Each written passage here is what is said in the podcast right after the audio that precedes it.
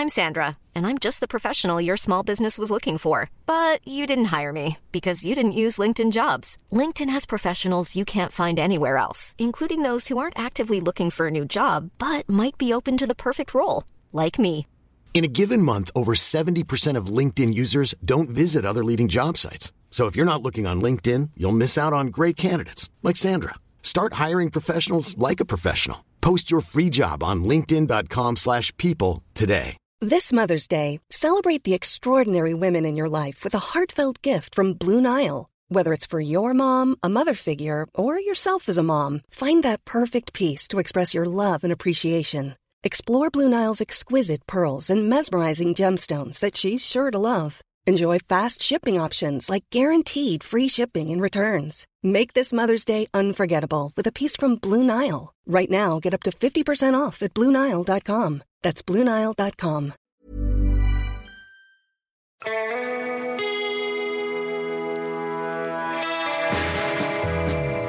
Journalisten Ivor Davis citat har blivit det som genomsyrade hela hippie-erans slut.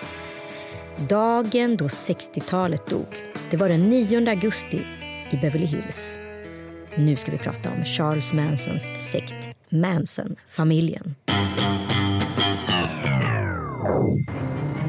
Police now say they have a suspect in the case. Let's go to De var ute på en motionsslinga och eh, kom inte tillbaka eh, på avtalad tid. One concern the police obviously has is that six months on, the flow of som misstänks för mord på en kvinna i Frankfurt 1992.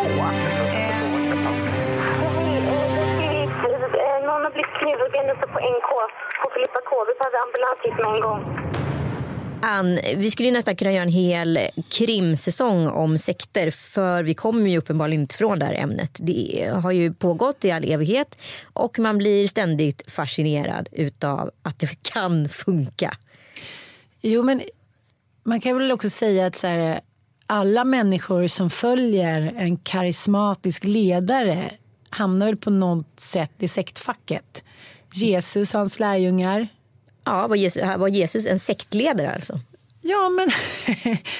ja, Alltså, så här, nu pratar vi om en sektledare som att det alltid måste vara något negativt och något dåligt.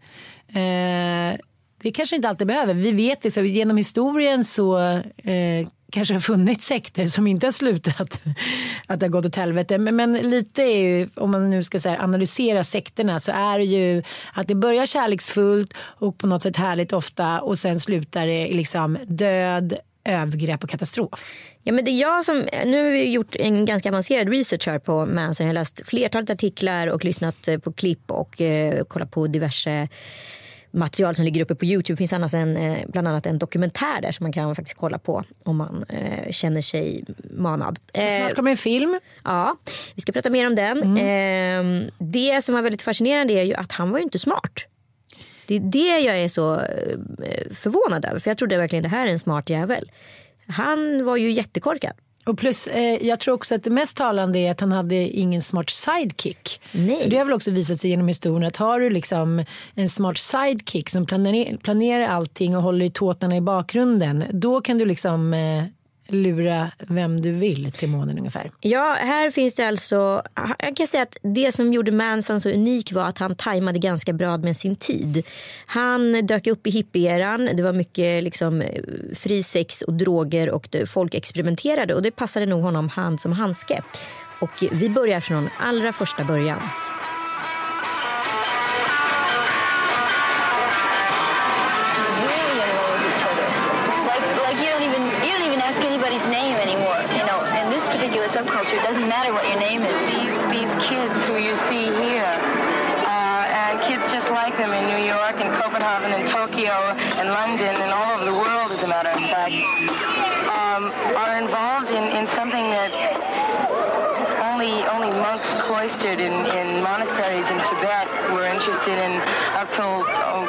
A short time ago, and that's consciousness expansion.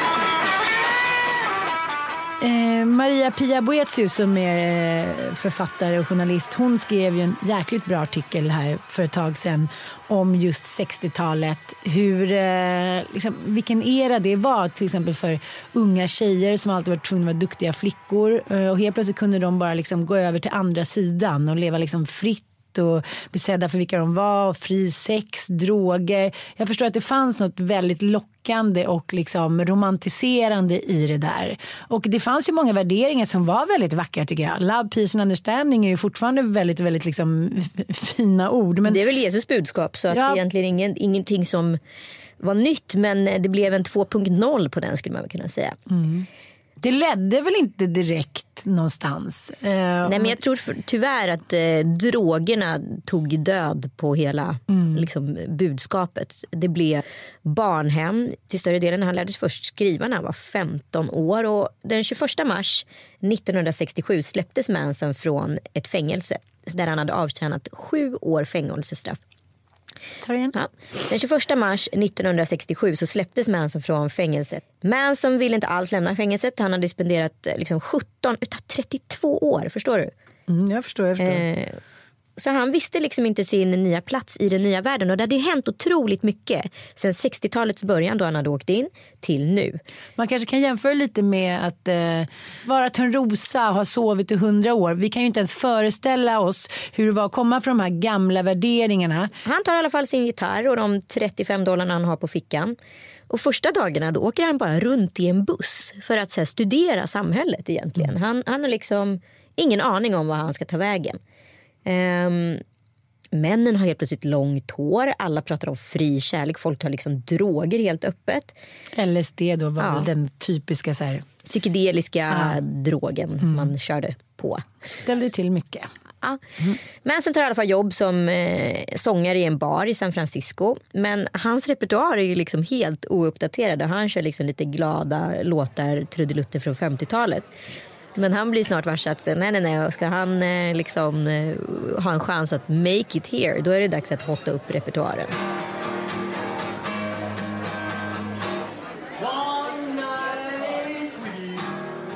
Så han fick helt enkelt eh, lyssna in.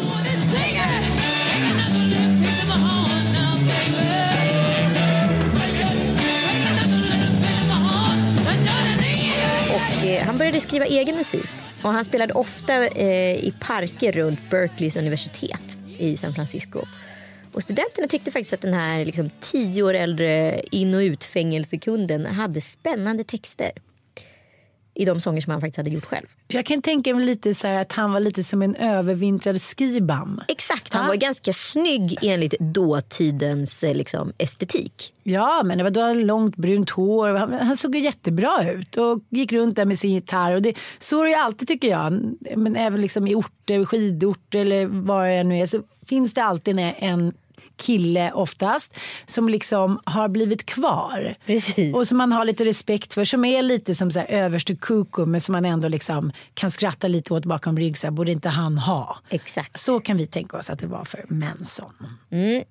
Eh, och sen så är det väl också någonting med studenter. Man är ganska öppen öppen, man är lite sökande. Speciellt om hela så här, eran. Och upp, det var ju som en ny sorts upplysningstid som stod och Det var en helt ny värld. Ja, och då var det så här, gud vad är det här för spännande kille? Åh, han har suttit på fäng i fängelse. Det här mm. är någon spännande man. Honom ska vi ta in. Mm. Så han blev ganska snabbt inbjuden till partyn och grejer utav de här studenterna. Och eh, ja, som sagt, Vietnamkriget rasar och hippieran pikar.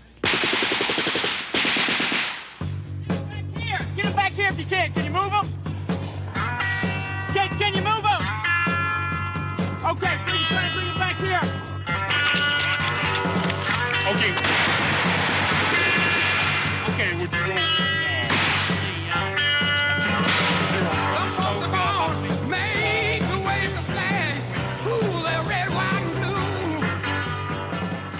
Han går då eh, på eh, en av de här otaliga festerna och tar sin första LSD-tripp.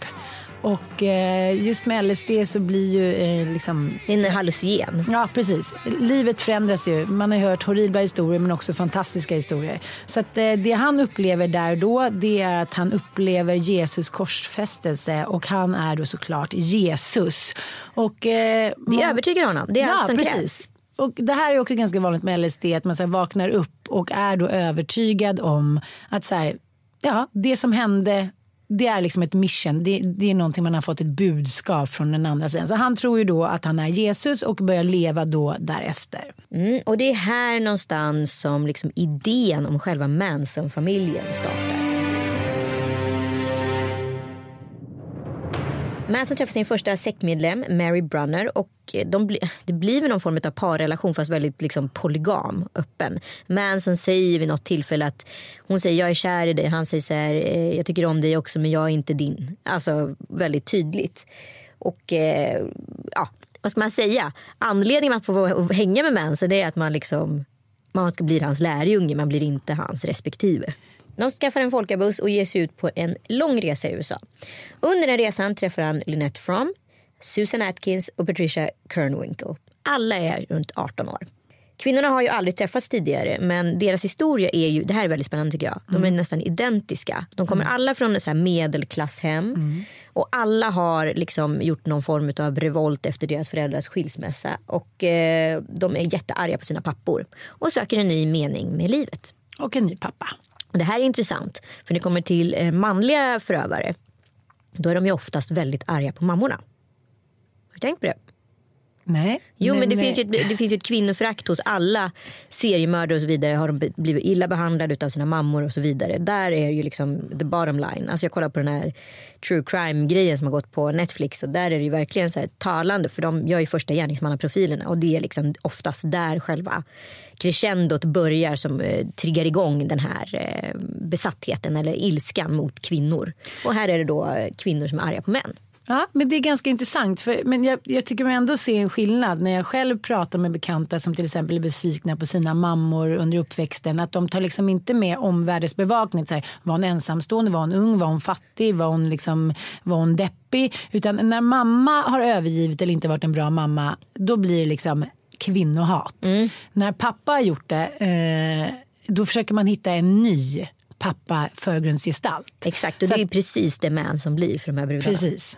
Och vilken pappaförebild sen då? Exakt, han kan ju liksom både bjuda på LSD och sex och också vara en förebild helt enkelt. Gruppen växer och Folkan den byts eh, snabbt ut mot en gammal skolbuss. Och, mm, men Manson har ju liksom, det här är väldigt intressant men jag tänker att jag måste se, försöka se det utifrån liksom dåtidens perspektiv. Idag kanske inte målet med en sekt skulle vara att ge ut en skiva.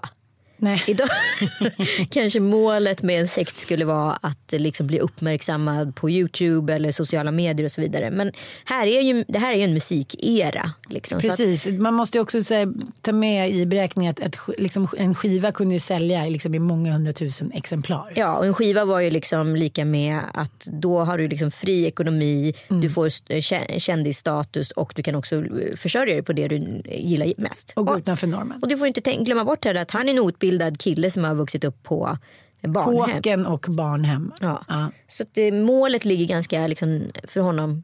Men Han söker ju inte efter att bli advokat Nej, direkt nej, eller nej. läkare.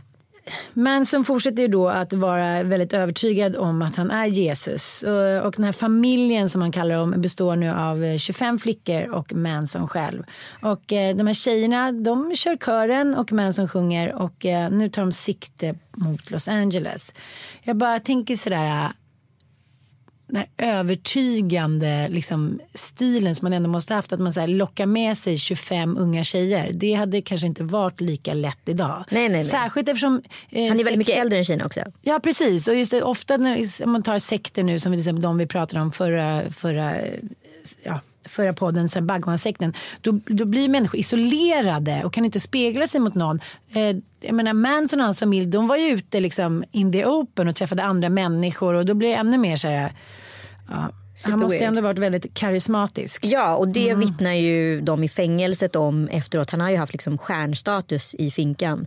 Eh, så att, att han har ju en väldigt speciell personlighet. Det är ju uppenbarligen någonting som är otroligt spännande med honom. Det är det här som jag kan tycka är, liksom, är väldigt spännande. Att det är ingen av föräldrarna som försöker få tag i de här döttrarna. Alltså hur går det till? Rent praktiskt, rymmer de? Eller rymde alla på den tiden? Hur funkar det? För att man känner väl att någon borde ju så här ha lite dåligt samvete mot någon mamma eller kanske inte pappa då. Som så här, inte vet var ens dotter är någonstans. Jag tror att det är så svårt att förstå också. Just det här att, att eh, föräldrarna var säkert mycket mer fördömande än vad de är idag. Jaha, hon har valt den där sidan. Så här, hon har valt, eh, liksom, förskjuter man den, Precis, liksom. man förskjuter. Så jag tror att det handlade mycket om det. Sen, jag som ändå har bott i USA och, och du som också varit och rest runt där. Det är ganska stora geografiska ytor. Det är inte riktigt som här att man så här, sticker till Säffle och så här, ser, kollar, kollar att Anita sitter på pizzerian. Det är så här, if you're gone, you're gone typ. Ja, ja, och jag menar några av de här tjejerna hade han plockat upp i Texas och det är väldigt, väldigt många hundra mil från eh, Los Angeles eller San Francisco för den delen. Sen tror jag också så här, den eran och den, liksom, den nya världen som var så kanske många föräldrar resonerar också. Men, ah, de är väl iväg och gör sina knasigheter så kommer de väl hem om ett tag. Ja, exakt. Men hur som helst hade det ryktet börjat sprida sig i alla fall lite om den här eh, konstiga bussen som körde runt med massa brudar och en kille som kallade sig för Charles Manson. Och de var en familj påstås det. Och utav en tillfällighet i eh, Los Angeles så blir han faktiskt kompis med Dennis Wilson, det vill säga en av medlemmarna i Beach Boys. If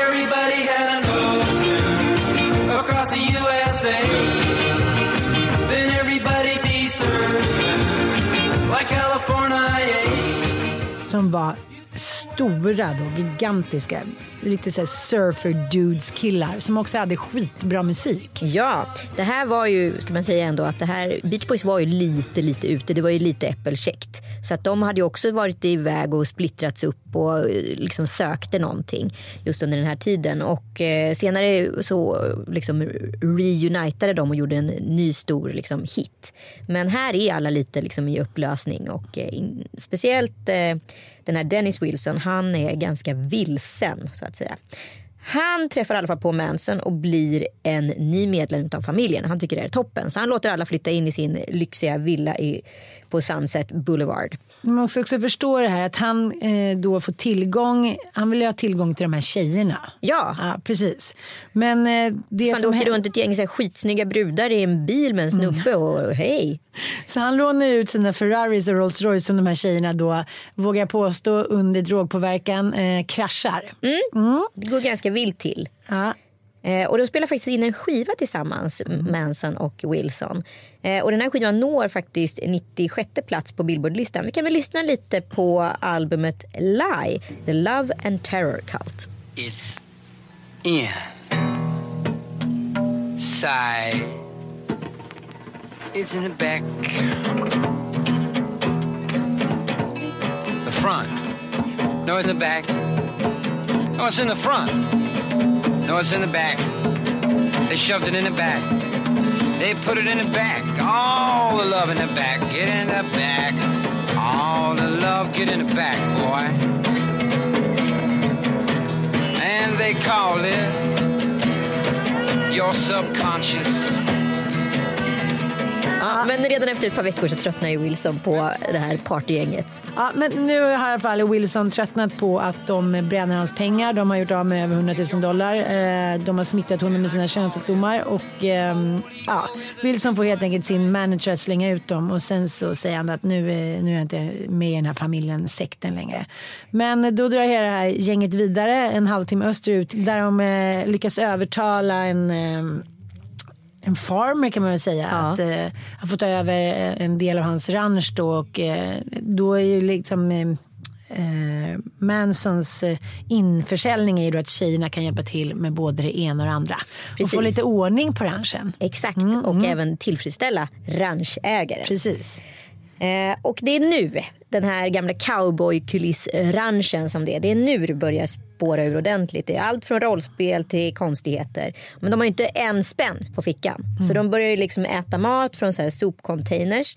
Och eh, Manson proklamerar hela tiden att det är viktigt för tjejerna att göra sig av med sin personlighet och bli avprogrammerade från sina föräldrars konklusioner genom timslånga monologer. Tiden existerar inte hävdar han och de får inte bära klockor eller kalender, kalendrar. Och eh, dessa drog och sexorger avlöser varandra hela tiden. Alltså nu måste man bara tänka lite här. Om du inte äter, om du bara knarkar, du förmodligen avmagrar, du blir lite tokig i huvudet för får du för lite energi och näring inte så blir du dag galen. eller vad klockan är. Jag vet inte vad klockan är. Alltså jag kan tänka mig att det här Det går bara snabbt ska jag säga. Ja. Det går snabbt att avprogrammera någon som eh, inte har några förutsättningar att, att ha ett bra mående också. Så att uh, usch, det är sån misär att bara liksom läsa om det här tycker jag. Ja, och nu är de ju liksom också lite isolerade på den här ranchen. De har ju liksom skapat sig ett eget utanförskap skulle man väl kunna säga. Men målet för Manson, eh, trots liksom hela sektgrejen, det är ju fortfarande att ge ut den här plattan. Men det blir liksom inget mer än ljumna löften från Wilson och eh, musikproducenten Terry Melkler som bor på Cilio Drive, en adress som senare kommer bli ökänd. Mm. Ja, och sen vintern 68-69 då kan man ju säga att Mansons eh, personlighet eh, helt förändras. Från att ha varit i alla fall kanske kärleksfull och proklamerande och ha något mål så blir han ju hetsig och jävligt våldsam. Och i sin galenskap så förutspår han då enligt sig själv ett kommande raskrig där blackies gör uppror mot whiteys. Eh, de, alltså de vitas överhöghet. Mm. Och eh, när sekten kommer att i små grupper utföra bestialiska mord mot den vita överklassen. Då, då. Ja, det är det han tror i den här mm. teorin. Precis. Det är det han planerar. Nej, fast han tror fortfarande att det är någon annan som kommer göra det. Aha, ja, visst. Och då säger han också att han har sett inre syner på att de kommer skriva fruktansvärda slagord med blod på väggarna. Mm. Och det här kommer då orsaka någon form av massparanoia hos de vita. Och så kommer de alltså mörda massa svarta afroamerikaner i gettorna. Och där uppstår raskriget. Och det kommer vinnas av de vita amerikanerna påstår Manson. Och han kallar det här för helter skelter.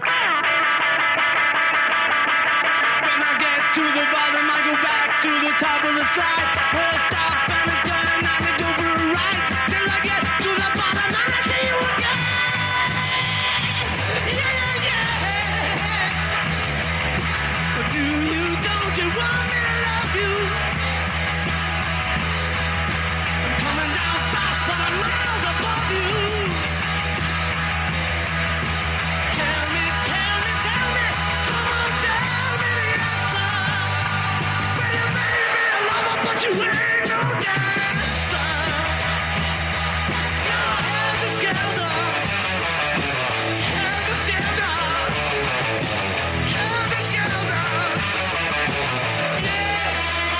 Inspirerad från Beatles-låten från den legendariska White Album. Mm, och det, det visar sig ju sen i rättegången mot Manson som håller på i över två år att han då eh, skyller lite på att han, eh, han påstår sig då ha fått uppmaningen av den här låten då. Mm. Så helt plötsligt så är Beatles också indragna i hela den här, ja vad ska jag säga, hemska farsen. Ja.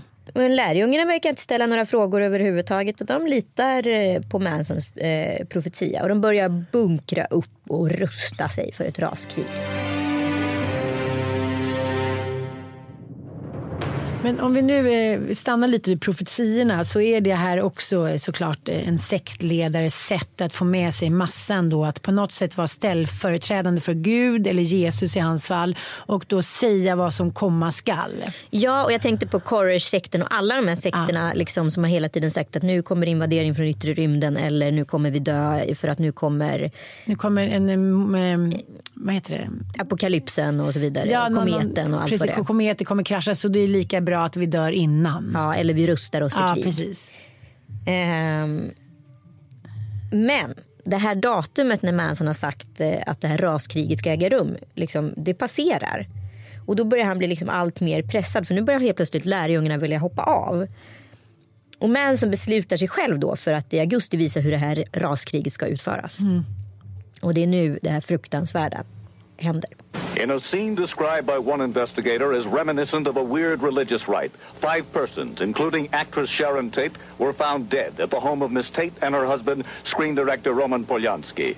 Miss Tate, who starred in Valley of the Dolls, was eight months pregnant and was found in a bikini-type nightgown with a rope around her neck attached to the body of a man. questioning, inasmuch as he was here on the premises, uh, det här är alltså den 8 augusti 1969 och musikproducenten Terry Melcher har flyttat från Cielo Drive och istället bor nu eh, regissören Roman Polanski här med sin 26-åriga fotomodellande och skådespelande fru Sharon Tate. Och, eh, om Sharon har ju bara några veckor kvar i sin graviditet. Ja, hon ska ju snart föda eh, parets barn och de här är nog liksom några superkulturstatusmänniskor. Jag var inne och kollade för några veckor sedan och på, eh, sökte på bilder på henne och det finns ju hur mycket bilder som helst och hon är ju verkligen så här, både skönhets och cool ikon måste man säga. Ja de var verkligen Hollywood jetset. Mm. De bor på rätt adress, eh, allt är bara perfekt. Mm. Deras liv är nästan komplett. Mm. Eh, Polanski är vid den här tiden på en jobbresa i London och Sharon har några liksom coola vänner över i den här lyxiga sjurumsvillan. Bland annat Romans kompis Wojciech Frykowski och så Abigail Fogler som är eh, en arvtagerska till ett kaffeimperium. Men självklart så jobbar hon med liksom, humanitära sysslor. Eh, och sen så även kändisfrisören Jay Sebring. Han är 32 år men han var alltid liksom olyckligt kär i Sharon så han tog minsta tillfälle i akt för att få hänga i hennes närhet. Så att, eh, eh det här var ju kanske inte så superplanerat eh, av Manson. Och, eh, hans planen var väl, varför ville han mörda dem? Jo, det var, han visste mycket väl att eh, producenten som han var sur på hade flyttat från villan. Men det spelade ingen roll för det var bodde vit överklass där nu.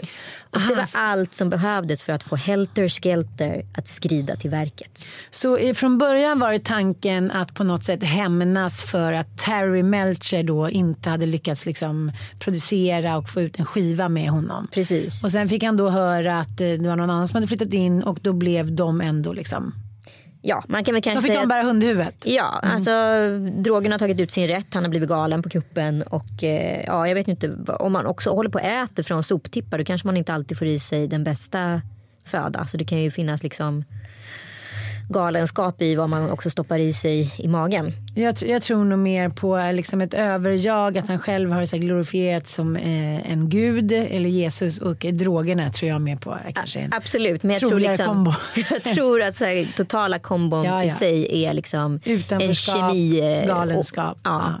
och kemisk påverkan. Mm. Eh, men Manson har också en manlig bundsförvant ja, som precis. är Tex Watson. Eh, så det är inte bara tjejer. Och eh, han har också blivit liksom förhäxad, förtrollad, eh, manipulerad av den här mensen. Så han gör liksom allt som mensen ber honom om. Så då säger, ber han honom att han ska köra dem till huset där Terry bodde förut och ta med ett par flickor så utplånar vi alla i huset. Han rabblar liksom instruktionerna till alla att alla ska bära svart, hur de ska kapa telefonledningarna, skära ut ögonen på dem, klottra huset fullt med blodiga slagord. Pig, Rice och Helter Skelter ska skrivas in. Susanne Atkins eh, Patricia Kernwinkel, ni vet de första tjejerna som han plockade upp. Och sen så nykomlingen Linda Caspian ska utföra uppdraget tillsammans med Tex. Mm. Det fanns ju liksom inte samma typ av så övervakningssystem och eh, liksom kameror och sånt. Och LA var väldigt tryggt på den här tiden ja. så det här är liksom en chock för hela samhället. Mm. Um, Sharon Tates gäster går och lägger sig eh, och i sovrummet så sitter hon kvar och pratar med sin ständige kärlekskranke Jay. På vägen mot huset så mördas eh, den första personen av de nio som kommer att mista livet de kommande dygnen. Det var, han var en besökare till gästhusets inneboende. Den 18-åriga Steve Parent. Han bönar och ber för sitt liv eh, men de skjuter honom kallblodigt med fyra skott. Ytterdörren till huset där Sharon och Roman bor är öppen och de går helt enkelt bara rakt in. Mm. Och på Landsings vän, Wojtek såg på soffan i vardagsrummet och vaknar av att eh, gästerna kom in. Då. Och han bara liksom, vilka är ni och vad är klockan? Och eh, det, de frågorna hinner han ställa då. Jag är djävulen här för att utföra djävulens arbete, säger Tex. Och sen börjar slakten. Och det här är ju verkligen en slakt. Ja, jag har tyvärr sett bilderna från det här. Det var inte vackert. Nej, och det pågår alltså i flera timmar. Det är så fruktansvärt. Ja. ja. Jag kan inte tänka mig hur vidrigt det här har varit. Nej, de använder knivar och eh, machetas. Som sagt, slakten pågår i flera timmar och det avslutas med att man skriver med offrens blod på vägg, ytterdörr och kylskåp. Mm. Just kylskåpet blir dekorerat med eh, begreppet för själva eh, dådet av Helter Skelter. Mm. Och sen åker de tillbaka på ranchen i Topanga. Manson frågar när de kommer tillbaka om de ångrar sig. Och alla säger nej. Det finns ju också bilder på de här tre tjejerna inför rättegången där de är så här. Går och sjunger Manson-sånger ja, de, ja, men de ser ut som de är på väg till något liksom möte, något kärleksmöte. Och de, ja, man förstår ju hur liksom hjärntvättade de har varit och hur lång tid det har tagit innan de insåg vad som har hänt. Men eh, klockan halv nio på morgonen så kommer Polanskis hushållerska och hittar liken. Jag vågar inte ens tänka på hur, eh, hur resten av hennes liv tedde sig sen. Och eh, inom poliskåren då inom LAPD. Så de och har... LAPO som också fanns på den tiden. Jaha. Mm. Och de har aldrig sett eh, något liksom, man har aldrig sett någonting som man kan jämföra det här med. Eh, och som du sa innan då att de här offren har utsatts för besinningslöst våld och 102 knivhugg och flera skott. Richard Speck är ju en annan känd eh, typ av eh, liksom, vad ska jag säga, seriemördare i USA i samma klass som Manson. Han dödade åtta kvinnor under ett dygn när han låste in sig i deras liksom, studenthem och eh, hade sex med några. Om man har kollat på den här Mindhunter på mm, Netflix har man säkert stiftat bekantskap med honom. På kvällen samma dygn så ger sig gänget iväg eh, och nu vill Manson själv vara med. Han vill se till att det går, se till att det går rätt till så att säga. Mm, mm, mm. Så här vågar han se ut. Ja. Så då tar de istället sig in till medelåldersparet Leno LaBianca. Eh, det här är heller inga som någon av de här människorna från familjen känner. Men eh, utför samma typ av bestialiska mord och skriver då eh, det här skriften på väggen där också. Men det som händer parallellt med liksom Roman Polanski och Sharon Tate det är att massmedia helt går in i någon form av extas över de här morden. Offren, eh, Roman Polanski är alltså själv anklagad för att ha utfört det här. Fast han är i London. Precis, ja, först det. Ja. Ja. Eh, Offren kallas för sexgalningar och knarklangare och det påstås att det liksom var en sexorgie som var där i svart, äh, att alla ingick i någon så här eh, svart magikult med sexriter. Och jag läste en eh, intervju i Vanity Fair och eh, man kopplade ihop liksom Roman Polanskis filmer med morden och fantasier presenterades som fakta. Roman Polanski, the film director and husband of Sharon Tate, called newsmen to a hotel in Hollywood today and there he made a long emotional statement. Told a good deal of what had been on his mind since his pregnant wife and four others were killed at their home on August 8th. He answered no questions, only gave his statement, but it was a highly emotional one. Sharon not only didn't use drugs, she didn't touch alcohol, she didn't smoke cigarettes. The last film she made was not a very happy experience for her. But her greatest picture she was doing was her pregnancy. I never seen a woman more preoccupied with it. Och eh, efter en större polisinsats då mot familjen Stjöma så anhålls eh, Susan Atkins för mordet på en knarklangare. Hon, hon är inte som de andra fångarna. Hon är ju liksom hjärntvättad. Hon ja. är inne i sin, eh, ja, i sin snurr. Så hon fnissar och klappar händerna och kallas för knäppa Susie. Hon sjunger små sånger och ja, mm. beter sig inte som de andra helt enkelt. Mm. Och plötsligt en dag så säger hon till en av sina medfångar som har varit förbarmats lite över henne att polisen är så fel ute, de har ingen aning. På den här medfången då, Virginia lirkar och frågar om hon då menar Sharon Tate. Och eh, då kan den här Susan inte hålla sig längre. Utan hon eh, ja, hon avslöjar stolt då hur det har gått till. Att familjen har tagit droger och gjort de här, utfört de här bestialiska morden och liksom skrivit då helter skelter i blod. och Susan berättar då även att flera Hollywoodstjärnor planeras att mördas. Och kutym är att man inte skvallrar på sina medfångar. Men eh, nu känner Virginia att eh, det här är för läskigt. Så hon eh, rattar ut Susan. Och det är på det sättet de här morden löses upp. herregud. Det hade jag faktiskt ingen aning om. Nej, inte jag heller. Eh, nu åker de i alla fall dit och eh, Manson skyller då på tjejerna i familjen så att han själv då ska benådas. Men eh, efter mer än två års rättegång, det här är ju liksom det här håller ju hela liksom världen i någon form av strypgrepp. Så döms eh, alla som liksom har varit med då till döden. Men innan domen hinner träda i kraft så avskaffas nämligen eh, dödsstraffet i Kalifornien. Mm. Men alla får istället så här, eh, livstidslånga fängelsestraff mm. eh, så de aldrig kommer ut helt enkelt. Utom en tjej som, eh, som då skvallrar och berättar allt om eh, mord och sekten och då får amnesti. Exakt. Det var ju smart. Ja, mm. Susan Atkins, hon dör otroligt ångerfull eh, 2009 i en hjärntumör i fängelset. Men om man ska problematisera det här lite. Det är klart att de har ju nu av egen fri vilja gått in i den här sekten. Men jag tycker att det är så väldigt, väldigt svårt. Uh, det är inte så att det inte är deras fel men de är ju hjärntvättade och utnyttjade och drogade och Fast, manipulerade. Ja. Det, är bara, det är bara läskigt att, att, att sådana här saker kan ske och det återkommer ju liksom man till i sekter gång på gång.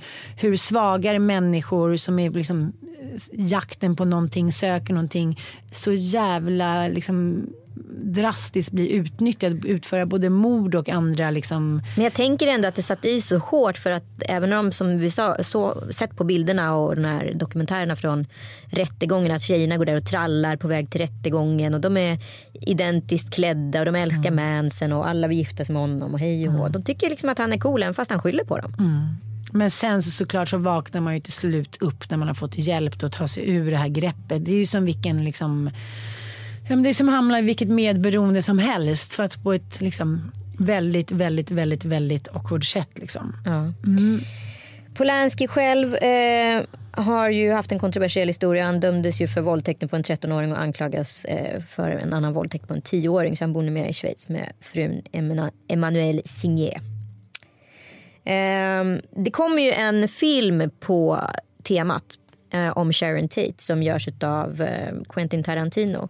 Once upon a time in Hollywood med Margot Robbie som Sharon Tate. Brad Pitt ska spela granne och eh, Leonardo DiCaprio också någon roll och eh, Al Pacino är också med. Den kommer nästa år eh, och systern har varit extremt, som alla anhöriga är i sådana här fall, varit extremt negativ till den här filmen och varit jätteledsen för att Quentin inte har talat med henne och så vidare. Sen hade hon ett möte med Quentin och nu har hon hedrat filmen och sagt att det här kommer vara väldigt bra.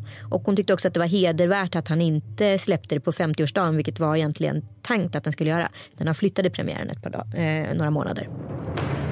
För att avrunda den här crime-podden så kan vi i alla fall berätta att Manson dog själv förra året i fängelse. Men vid 79 års ålder eh, lyckades han förlova sig med Afton Elaine Star Burton, 26 år gammal. Så att eh, han var populär in i det sista skulle man kunna säga. Eh, det här är också väldigt vanligt för både killar och tjejer som sitter i fängelse att eh, de får kärleksbrev och eh, liksom, folk som inte känner dem blir förälskade och kommer dit och gifter sig med dem. Och, helt förnekar bakgrunden till varför de sitter där. Ja, det finns någonting hos vissa kvinnor som älskar att eh, vända onda män. Det verkar inte vara, finnas några skrupler. De tror på sin egen helande kraft utan någon anledning. Eller är det brotten i sig som är fascinerande nog? Ja, det är svårt att veta vad som är vad här. Det kanske är en, nästa podd, varför kvinnor blir sexuellt och emotionellt attraherade av fångar ja. och seriemördare. Det tycker jag vi kan ta upp. Mm. Tack för idag. Tack för att ni lyssnat. Police now say they have a suspect in the case. Let's go to Hon var ute på en motionsslinga och kom inte tillbaka eh, på avtalad tid. One concern the police obviously has is that six months on the flow of... misstänks för mord på en kvinna i Frankfurt 1992. Blivit knivhuggen på NK på Filippa K. Vi behöver ambulans hit med en gång.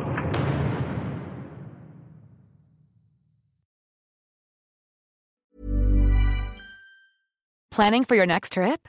Elevate your travel style with Quince. Quince has all the jet setting essentials you'll want for your next getaway, like European linen, premium luggage options, buttery soft Italian leather bags, and so much more. And is all priced at 50 to 80% less than similar brands. Plus, Quince only works with factories that use safe and ethical manufacturing practices.